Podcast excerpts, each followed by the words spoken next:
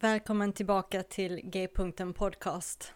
Detta är ett kortare sammanfattning på svenska av mitt samtal med Trip Fuller. Trip berättar att eh, han är född i North Carolina i USA. Han är ett pastorsbarn. Han var nördig som liten, eller ja, han kallar sig fortfarande som, nör eh, som nörd. Han har fru, tre barn och just nu så bor han i Edinburgh i Skottland där han undervisar på universitetet i religion och vetenskap. Han tycker om eh, NBA, alltså basket, amerikansk basket. Och han är också väldigt inne på Sagan om ringen, eh, Star Wars, serietidningar och eh, andra sådana här väldigt, ja, väldigt nördkultur som man kallar det. Hans föräldrar var församlingsplanterare i Raleigh, North Carolina.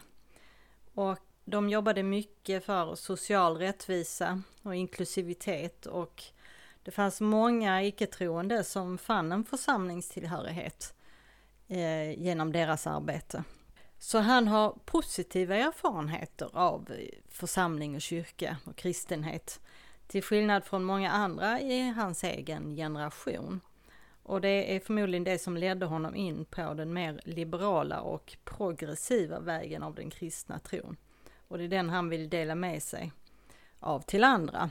Kanske speciellt till de som har lämnat kyrkan och lämnat tron för att de blivit eh, illa behandlade eller eh, eller liknande blivit besvikna på ett eller annat sätt. Och han vill dela med sig av den här positiva sidan som han vet finns av kristen tro. Så jag ber honom att förklara progressiv kristendom. Jag säger att han är ju en av de mest inflytelserika rösterna när det gäller progressiv kristendom, både på internet och eh, verkliga livet.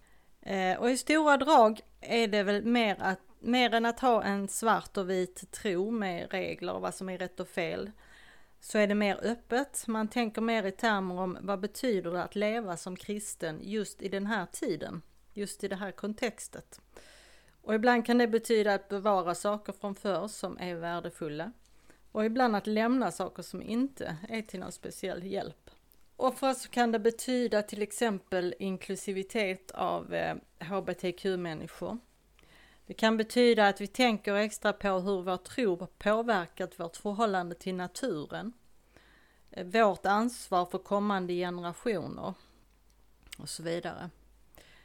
Och även att tänka igenom vissa doktriner, vissa trosartiklar. De kan ha varit eh, förståeliga och självklara när de konstruerades, men eh, som inte är det nu längre. Till exempel är olika försoningsteorier eh, förstod man mycket bättre när man, hade, när man levde i ett samhälle av heder och skam. Men som inte fungerar speciellt bra nu för tiden. De låter inte speciellt inbjudande längre. Så progressiva kristna, de är inte mindre kristna, utan man tänker mer på vad det betyder att vara trogen i den kultur som vi lever i nu. Att engagera sig i samhällsfrågor och även i frågor om vetenskap och religion och förstå att det finns inga motsatser mellan dessa. Och det är ju bland annat det då som han eh, undervisar i på Edinburgh universitet.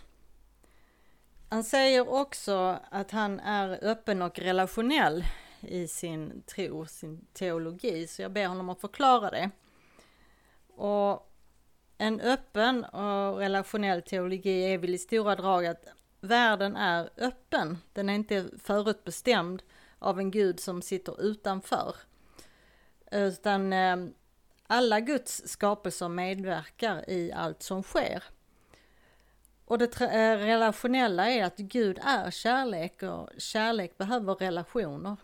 Och världen behöver vara öppen och relationell för att Gud verkligen ska kunna vara kärlek. För kärlek behöver ju på sätt och vis vara ömsesidig. Och det här är nog något som många av oss känner egentligen om vi tänker på kärleken och relationen till våra egna barn till exempel.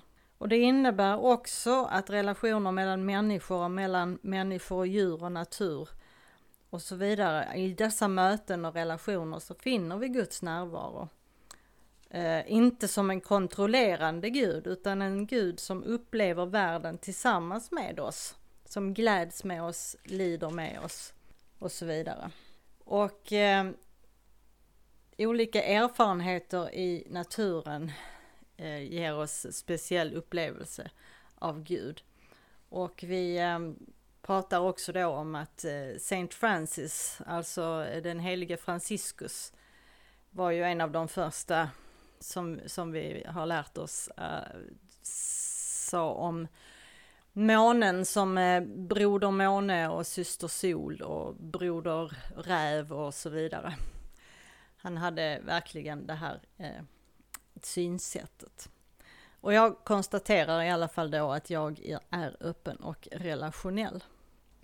Både Tripp och hans fru är eh, baptistpastorer eh, i eh, baptistsamfundet i USA. Um, och vi pratar lite om hur många olika, olika sorters baptister det finns.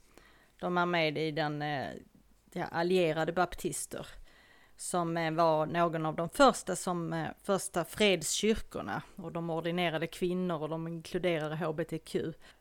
De arbetar med klimatfrågor och så vidare. Sen kommer vi in på att prata om Homebrewed Christianity, alltså eh, Trips podcast. Den är ju mycket mer än en podcast. Han eh, började med denna i alla fall som en podcast 2008, så den har funnits länge nu. Den är vi upp, han är uppe i ungefär 15 miljoner nedladdningar. Och han ville ha den här eh, kunskapen som finns eh, inom universiteten ut till vanliga människor. Till vanliga kristna som också var nyfikna. För det finns mycket bra kunskap inne på universiteten. Men det är inte alla som varken vill eller kan gå och läsa där. Och det ville han eh, stå till tjänst med och lägga ut. Så det har hela tiden varit att han vill eh, ha intervjuer med eh, olika teologer och filosofer och tänkare och författare för att kunna få ut det så mycket som möjligt. Nu är det ju också, det är inte bara en podcast som jag sa, utan en hel gemenskap. Och det är, ehm, man har läsgrupper, bland annat i olika ämnen, i olika aktuella ämnen. Olika gemenskaper som finns på nätet. Och det är fritt att använda det här materialet i egna smågrupper och så.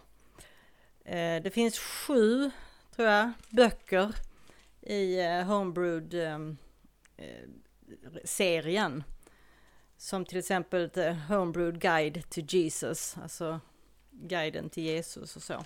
Och eh, intresset är stort nu. Många, eh, eh, många ställer frågor om tro och liv och vill veta mer. Och eh, så han vill på bästa sätt få ut och dela med sig av robust teologi utan att behöva studera på högskolan. Och han vill göra detta lättillgängligt. I ehm, Just namnet Homebrewed Christianity, det betyder ju hemmabryggd kristendom. Och eh, tanken var, bakom det var väl att han eh, både var och är en som brygger eget öl.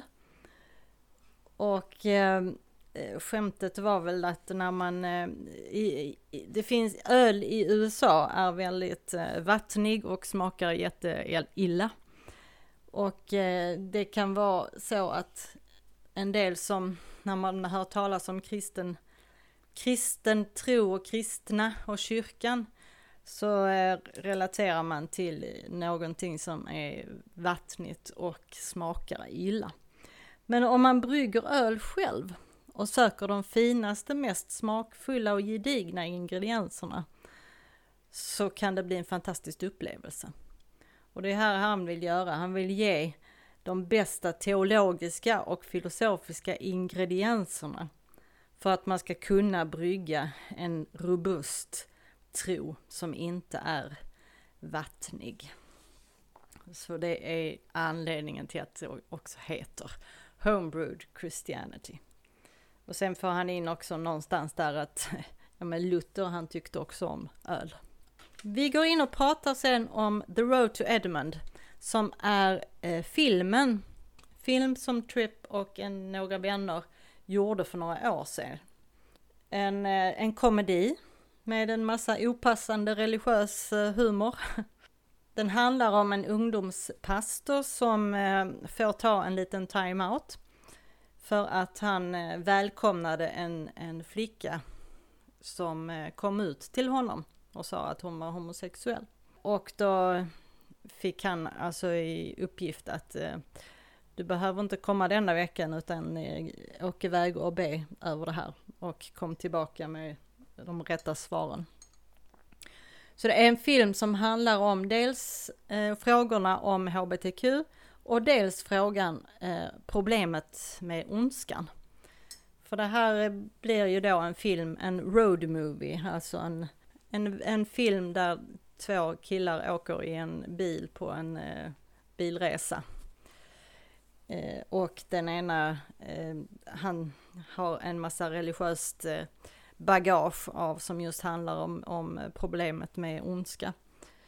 Eh, eller lidande rättare sagt. Och så är det då den här killen som har sitt problem. Så det är en slags, eh, det är en komedi, det är en slags Emmausvandring.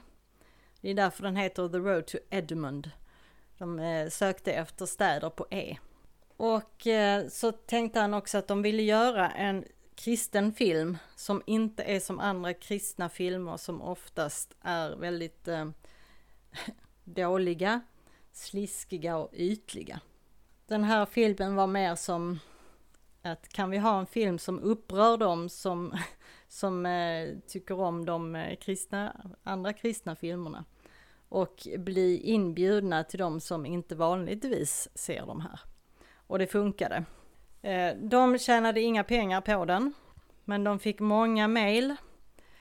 Eh, positiva, de, många av dem, men även många som anklagar dem för att vara Satans hantlangare.